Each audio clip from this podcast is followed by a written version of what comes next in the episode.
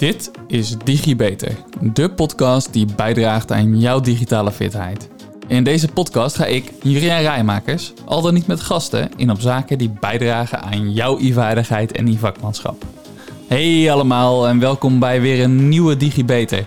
De afgelopen weken was het erg druk met het voorbereiden van een aantal podcasts rondom lifecycle management en wat overige werkzaamheden. En daarom lukt het me niet om toe te komen aan het produceren van een nieuwe podcast. Maar gelukkig is er weer één. Binnenkort ga ik dus met enkele gasten in gesprek over een van de topics die volledig in mijn werkgebied liggen, namelijk lifecycle management.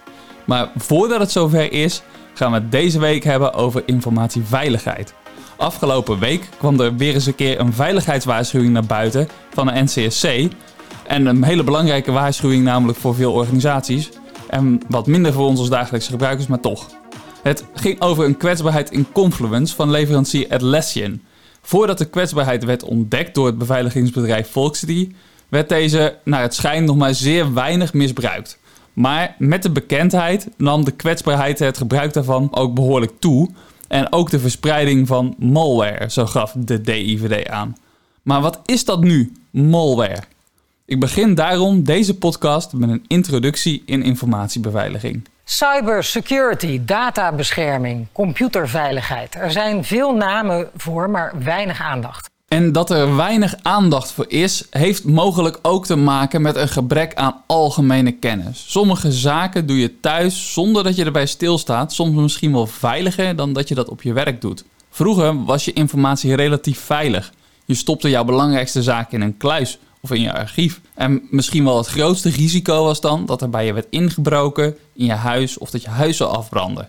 En als je belangrijke papieren had die dan weg moesten, ja, dan stak je die juist vaak in de brand of je scheurde ze in een miljoen stukjes. Of als je de luxe had, nou, dan haalde je ze door de shredder. Misschien is het toch wel zo veilig dat de oude generaties nog steeds veel op papier doen. En al die wachtwoorden die je gebruikt in het boekje vastleggen met als grootste risico een afnemend jaarlijks risico op die woninginbraak. Ja, het verlies van je boekje, daar kan ik vrij weinig aan doen. Of een brand. Nou ja, met die nieuwe wet met de rookmelders, als die rookmelders afgaan, dan heb je misschien zelfs nog wel de kans om dat boekje met al je wachtwoorden veilig te stellen. Maar de realiteit is dat we met z'n allen steeds digitaler worden. En je hebt naast die fysieke werkplek, waarop je soms ook nog wel papieren hebt liggen, en je dus ook moet, daarover moet nadenken wat je daarmee doet, ook nog de digitale wereld van het beveiligen van je informatie. Je moet dus aan meerdere dingen denken, zowel op je PC, digitaal, als analoog. En ik heb al een paar keer de aandacht besteed aan het afgelopen jaar in de oktober Cybersecurity maand bijvoorbeeld. Maar nu wil ik je graag meenemen in een wat opbouwender geheel. Want wij zijn als mensen vaak het probleem. Het gevaar zit tussen de stoel en het toetsenbord. Bijvoorbeeld zoals te horen in het volgende fragment van de NOS over informatiebeveiliging van 12 april 2017. En wel beveiligd, bijvoorbeeld met wachtwoorden, maar soms worden de computers na gebruik niet afgesloten. Onachtzaamheid. Als dan een onbevoegde binnenloopt en achter zo'n ingelogde computer gaat zitten, kan hij daarop alle bestanden inzien en zelfs kopiëren. Alsof de gegevens wel in een kluis zijn gestopt, maar de deur daarvan wagenwijd open staat. En dat is bepaald geen typisch Rotterdams probleem. Ik denk niet dat dit alleen maar een Rotterdams probleem is. Dit is een probleem wat breed in de overheid, breed in het bedrijfsleven speelt. Dat er onvoldoende aandacht is voor informatiebeveiliging, voor wat wij noemen cybersecurity. Het gaat dan overigens niet alleen over systemen die niet worden uitgelogd, maar ook bijvoorbeeld over papieren die rondslingeren op bureaus of open en bloot in de papierbak liggen. Informatie heeft een enorme waarde, zoals ik al eerder aanstipte in een van mijn podcasts over data- en informatiehuishouding. En omdat het zoveel waarde heeft, is diefstal van die informatie ook aan de orde van de dag. Het is dus belangrijk dat je zowel thuis als op je werk, on- en offline, kennis hebt om je persoonlijke en je bedrijfsinformatie goed te beschermen. Ik ga het dus hebben over informatiebeveiliging. Voor privacy komt er zeker ook nog wel een keer een separate podcast. Twijfel jij aan je kennis? Nou, dat is geen probleem. Ik ga het proberen zo goed mogelijk op te bouwen en je kan natuurlijk altijd vragen stellen, zodat je straks de basis helemaal onder de knie hebt. En vind je dat niet genoeg? Gelijk heb je. Het blijft dan ook vooral luisteren naar de volgende podcast, want zelfs de grootste technologiebedrijven zoals Meta hebben behoorlijk moeite om hun beveiliging op orde te krijgen en te houden. Toen Meta nog Facebook was, speelde er namelijk tal van schandalen. De baas van Meta, Mark Zuckerberg, was niet blij toen het schandaal rondom Cambridge Analytica aan het licht kwam. Maar niet veel later bleek ook nog eens dat Facebook de telefoonnummers misbruikt konden worden om gericht te adverteren.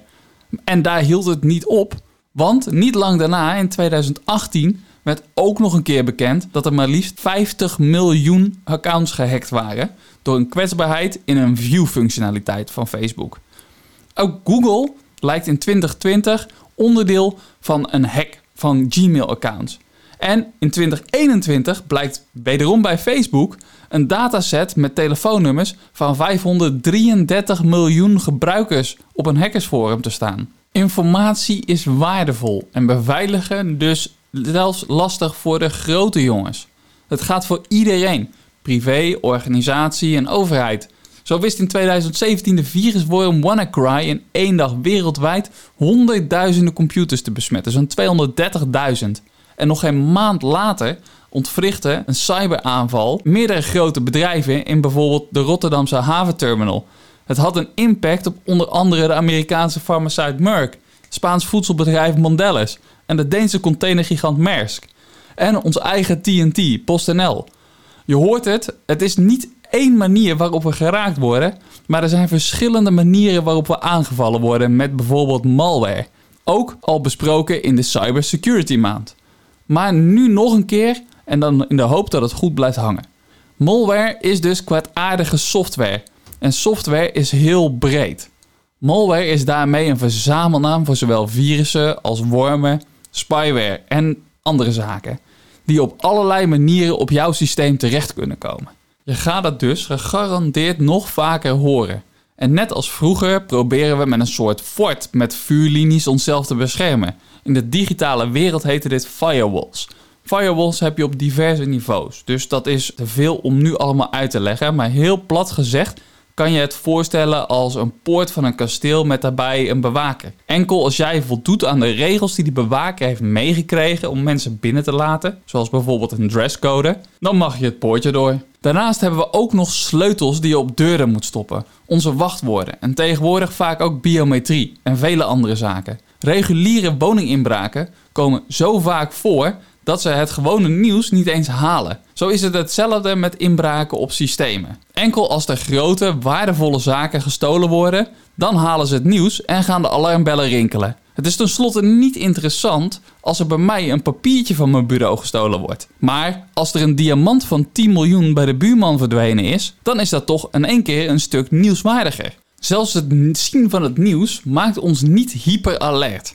Want ja, gezien het niet bij jou in je huis of bij jou in je bedrijf speelde, hè, of bij mij thuis, maakt het eigenlijk niet uit. Ik ben het weer snel vergeten, want er is zoveel anders wat je aandacht verdient, toch? Wat ik dus met deze podcast en de volgende podcast rondom informatiebeveiliging wil doen, is een veelvoud. Het gaat om bewustwording, maar ook kennisvergroting, zoals rondom de begrippen.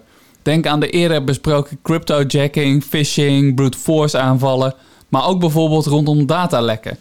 Ik wil je leren helpen de risico's in te schatten. Ten slotte, als jij die diamant van 10 miljoen in je huis hebt liggen, zal je je huis toch heel anders beveiligen dan ik met die paar frummels papier op mijn bureau, toch? Om te weten wat voor een beveiliging, hoe hoog je je muren nou gaat optrekken, moet je natuurlijk wel weten wat de gevaren zijn, ofwel wat de risico's zijn. Als je die risico's eenmaal kent, dan moet je ook nog leren hoe je ze gaat mitigeren. Dus hoe bouw je nou die muur? Of uh, hoe ga je dan zorgen dat je bijvoorbeeld die diamant niet in je huis hebt liggen? Oftewel, hoe maak je je plek geschikt om bewaking in te richten en hoe richt je dat dan in? Maar eerst een aantal veel voorkomende begrippen in deze podcast. Ik zal je daarbij ook een aantal begrippen uit eerdere podcasts even weer herhalen. Er is namelijk nogal wat verwarring in de termen die je vaak hoort, waardoor er vaak ook dingen gezegd worden, misschien ook wel zelfs door mij, die niet helemaal juist zijn. Dus vandaar dat ik ze nu even goed probeer uiteen te zetten. De begrippen virus en malware bijvoorbeeld, die worden nogal eens door elkaar heen gebruikt. Niet zo gek ook, want in de snelheid van spraak loop je vaak snel over dingen heen. Maar goed, ik ga het nu proberen even goed uit te zetten voor je. Malware is namelijk een samenstelling van twee woorden. En die twee woorden zijn malicious en software. Het is een algemeen begrip dat vaak wordt gebruikt voor schadelijke of hinderlijke software.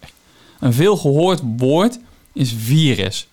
Virus is een vorm van malware, zoals je nog een heel aantal andere soorten van malware hebt. Onder andere onder de malware vallen dus een heel aantal andere zaken en daarom is dat ook weer opverdeeld naar twee typen malware. En misschien bieden deze twee typen je wel wat meer houvast, een beetje een kapstokje. Het eerste type is het malware op basis van het aflevermechanisme. Als je daarnaar kijkt, wordt beschouwd hoe de malware je systeem binnenkomt en zich vervolgens verspreidt. Het tweede punt waarop malware gesorteerd is, is op basis van payload. Het gaat dan om een onderdeel van de malware dat echt de kwaadaardige actie zelf uitvoert, zoals het stelen van de gegevens of bijvoorbeeld het vernielen van je systeem. Allereerst wil ik, om je een beetje een beeld erbij te geven, graag ingaan op een aantal vormen van malware op basis van dat aflevermechanisme. En ik ga kijken of ik daar een paar fragmenten bij kan gebruiken. Het eerste stukje malware op basis van aflevermechanisme is een virus. En om dat uit te leggen gebruik ik een fragment uit een filmpje van de NTR uit 2016. Virus is een klein computerprogrammaatje dat speciaal gemaakt is door internetcriminelen om je computer te beschadigen, in de war te brengen of uh, dingen te jatten. Virussen verspreiden zich supersnel over het internet van computer naar computer. Ze zijn zo gemaakt dat ze als inbrekertjes je computer in willen kruipen. Ze kunnen zich vermommen als een, een leuk filmpje of ze verstoppen zich in een mailtje. Ja, zelfs in een berichtje van je beste vriend of vriendin. Sommige virussen die stelen je foto's, andere je wachtwoorden. En weer andere virussen die zetten stiekem je webcam aan zonder dat je het in de gaten hebt. Of ze maken gewoon dingen stuk. Je computer wordt dus, zonder dat je het weet, overgenomen. Onbestuurbaar dus. Je hoorde in het filmpje al dat er ook bij het virus al gesproken werd over stukken in het virus dat een kwaadaardige actie uitvoerden. De payload. Daar kom ik straks op. Bij het virus zit de malware vaak verstopt in de code van een normaal bruikbaar programma of een update daarvan. Een virus zit vaak verstopt in een bestand en het wordt geactiveerd doordat jij als gebruiker het besmette bestand bijvoorbeeld opent of activeert door het uit te voeren. Jij als computergebruiker voert dit programma zelf uit vanwege ja, die normale werking en je hebt niet door dat er vervolgens op de achtergrond ook malware wordt uitgevoerd. De malware verspreidt zich vervolgens naar andere programma's. Dat verspreiden, dat is repliceren. Het programmaatje kan zichzelf dus kopiëren. Het maakt kopieën van zichzelf met weinig tot geen tussenkomst van jou als gebruiker. De code die een virus vaak bevat, kan dan na enige tijd ongewenste of onverwachte gebeurtenissen veroorzaken. Maar hackers kunnen meer doen om je systeem binnen te komen, zoals bijvoorbeeld een exploit waarbij de malware misbruik maakt van een kwetsbaarheid in een stukje software op jouw systeem, om vanuit daaruit weer verder een stukje kwaadaardige code te injecteren. Nog een ander aflevermechanisme om binnen te komen is een Trojan. Daar heb je vast wel eens van gehoord. Om dit kort toe te lichten maak ik gebruik van een fragment van NPS. NTR is NPO ZEP van 27 maart uit 2013. Een programmaatje dat zich vermomt als iets anders. Als je op internet zit, je downloadt iets of je krijgt een mail met een bijlage, dan kan er een Trojan in verborgen zitten. Die Trojan zet dan een achterdeur open voor de hacker, die zo makkelijk in je computer kan. Het is dus letterlijk het Trojaanse paard, het paard van Troje. De malware doet zich hier dus voor alsof het een normaal en bruikbaar programma is met een ogenschijnlijk vaak nuttige of met handige functies. Maar dat is een vermomming, net zoals het Trojaanse paard, om bij jou binnen te komen op jouw systeem. Jij als gebruiker voert het programma dan uit en je verwachting daarbij is waarschijnlijk dat je iets bruikbaars opstart. Maar eigenlijk voer je hiermee alleen nog maar de malware uit. Technisch gezien is het Trojaanse paard geen virus, want het vermenigvuldigt zichzelf niet. Maar er zijn wel virussen en andere wormen, die leg ik zo meteen ook even uit, die de Trojaanse technieken gebruiken om systemen te infecteren. Trojan of Trojan Horse wordt dan ook vaak gebruikt om te verwijzen naar zichzelf niet replicerende, dus niet zichzelf vermenigvuldigende, maar toch wel schadelijke programma's te verwijzen om zo een onderscheid te kunnen maken met virussen. De laatste die ik wil aanstippen, en je kan het net ook al even kort te pakken in het uh, voorbeeld, dat is de worm. De worm is een stukje malware die zich verspreidt via het lokale netwerk of via het internet naar andere computers. Bijvoorbeeld door automatisch e-mails naar alle adressen in een adresboek te versturen. Een worm is een type virus dat zich verspreidt door kopieën van zichzelf op andere stations, computers of netwerken te maken. Wormen kunnen kopieën van zichzelf naar andere computers sturen via netwerkverbindingen, via de e-mail of via bijvoorbeeld een geïnfecteerde website of systemen voor expressberichten.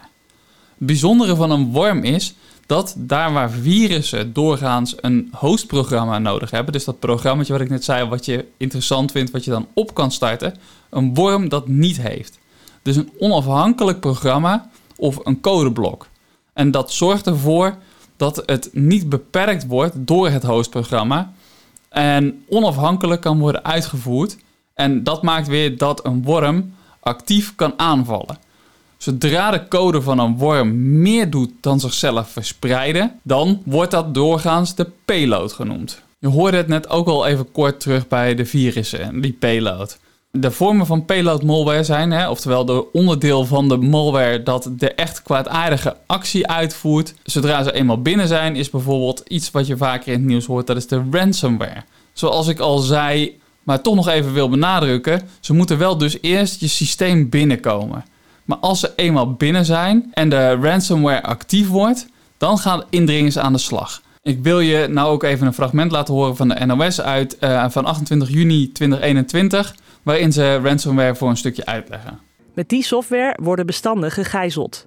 De administratie van een overheid bijvoorbeeld of klantgegevens van een bedrijf. Je bestanden zijn vergrendeld. Je kunt er niets meer mee. De gegevens zitten op slot, waardoor hele systemen plat komen te liggen. Wil de eigenaar zijn bestanden of computer terug, dan moet er geld worden betaald. Veel geld, meestal in bitcoins. Het advies van de politie is niet betalen, want zo worden criminelen beloond en blijven ze doorgaan. Toch doen veel getroffen partijen dat wel, omdat het ontgrendelen van de gegijzelde gegevens lastig en tijdrovend is, en soms zelfs onmogelijk. Niet handig als je ondertussen olie moet leveren of wanneer klanten wachten op hun kaas. Dat afpersen en innen van geld is waar het hackers om te doen is. En ze worden er steeds professioneler in. Met inmiddels vaak een heuse klantenservice die je kunt bellen als een betaling niet lukt. Vijf jaar geleden waren vooral consumenten de dupe van ransomware aanvallen. Een vergrendelde computer kon voor een paar honderd euro worden vrijgekocht. Inmiddels hebben criminelen door dat het lucratiever is om bedrijven en organisaties aan te vallen. Het losgeld dat ze kunnen eisen loopt soms in de miljoenen euro's. Ransomware. Het klinkt ver weg, maar ook jij kan er dus wat van merken. En dat iedereen er wat van kan merken is wel duidelijk. Zelfs jij als individu, als je niet aangevallen wordt, kan je er zeker ook wel hinder van ondervinden. Misschien herinner je het je nog dat eind 2020 de gemeente Hof van Twente het slachtoffer werd. Een zwak wachtwoord legde toen de hele gemeente plat. Niet veel later, april 2021, hebben we een week lang ruim geen kaas gehad. Doordat de leveringen van Albert Heijn aan Albert Heijn door hun toeleverancier Bakker was aangevallen. En maanden, nog wat maanden later, in november geloof ik, toen de mediamarkt werd aangevallen, waren alle computers gelokt. En hadden ze alleen nog maar fysieke producten in de winkel die verkocht konden worden. Ze konden niet eens meer iets retour nemen. De criminelen vroegen toen 50 miljoen dollar om de computers weer te ontsleutelen. Of bijvoorbeeld het voorbeeld van de Universiteit Maastricht. Dat had misschien wat minder impact direct op jou als gebruiker, maar het was toch wel een redelijke hack. En hackers hielden zich al maanden verborgen in het netwerk om toe te slaan. Niet specifiek over de payload, maar over het aflevermechanisme van de malware wil ik hier nog een stukje laten horen van de NOS. Dus het begon eigenlijk allemaal met één e-mail die naar twee mensen is gestuurd. Ja, een e-mail met een link erin. En als je op die link klikte, dan uh, downloadde je een bestandje. En in dat bestandje daar zat een, een virus verstopt. Ja, wat, uh, wat ik zei, wat de deur om een kier zetten. Ja, dit, dit, dit, is hun werk, dit is hun dagelijks werk. Het, het hacken van organisaties, het goed in kaart brengen, het vervolgens dan wel saboteren of onklaarmaken van de backups en, en, en, en de boel op slot gooien. Dus ja, dat, dat, dat zijn geen 16-jarige pubers die op een zolderkamer lekker wat aan het rommelen zijn. Line is dat je moet een afweging maken uiteindelijk tussen je ja, dat die je liever niet doet, namelijk de criminelen betalen. Aan de andere kant moet je accepteren, als je dat niet zou doen, dat je eh, de belangen van je studenten en medewerkers erg op spel zet. Want wij zouden tenminste een maand uit de lucht zijn geweest als universiteit. Maar om een eind te maken aan de speculatie, want dat leidt af volgens mij van de echte discussie, namelijk over het inhoud waar we het over moeten hebben, de dreiging die permanent gaande is, wil ik wel vermelden wat wij betaald hebben. Dat is 197.000 euro.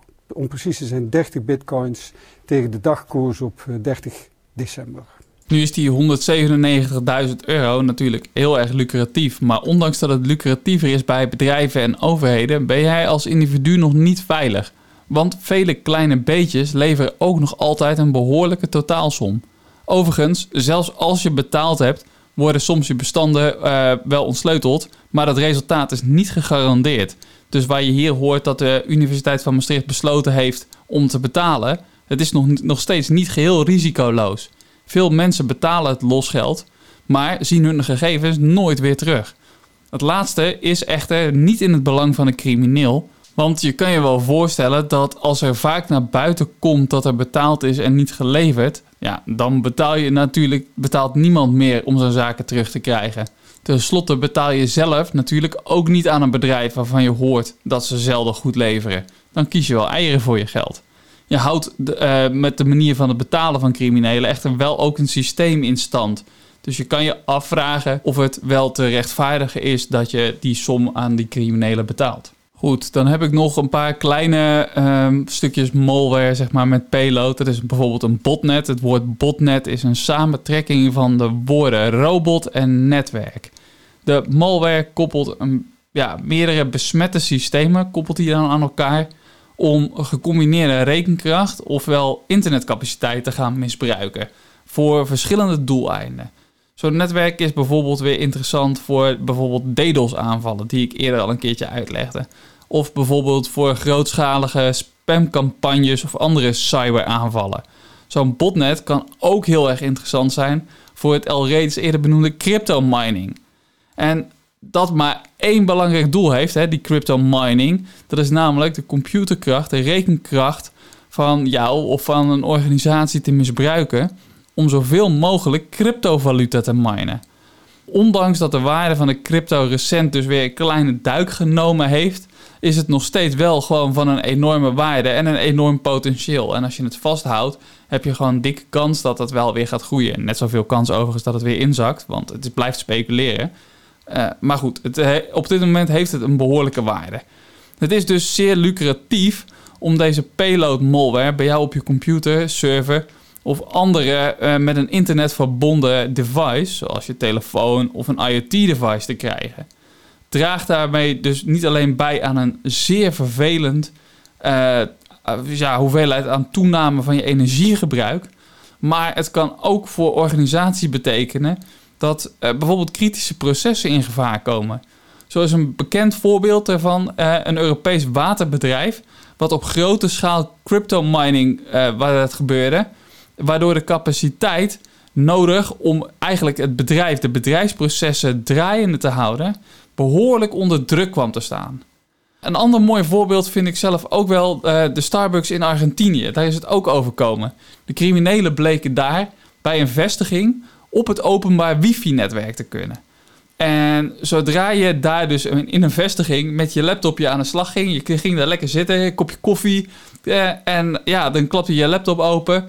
En in één keer werd jouw laptop meegenomen in dat mining proces. Heel erg vervelend natuurlijk als je dan uh, je laptop niet meer goed kan gebruiken. Of bijvoorbeeld de stroom van je laptop, die accu in één keer heel hard leeggetrokken wordt. Dus ja, kortom, het is dus gewoon belangrijk om dat uh, goed dicht te gaan zetten. En om je risico's straks in te gaan perken. Dat uh, is iets wat we in de volgende podcast dus aan bod gaan brengen. Er zijn nog veel meer begrippen die ik eigenlijk met je door zou willen nemen. Zoals backdoor en rootkits, spyware, keyloggers, uh, adware en spoofing en dergelijke. Maar daarvan ga ik wel kijken of ik ze in latere podcasts aan bod kan laten komen. Anders wordt het zo'n grote hoeveelheid met informatie die weer over je heen komt. Dus ik zal dat een beetje moeten gaan spreiden. Nou ja, als je naar de praktijk kijkt, dan uh, kan je, zoals je misschien al wel door had, malware technieken. Dus ik heb verschillende technieken hier besproken. eh, eigenlijk prima combineren. Eh, zo krijg je dan bijvoorbeeld eh, een Explore Zip worm of een eh, Backdoor Trojan.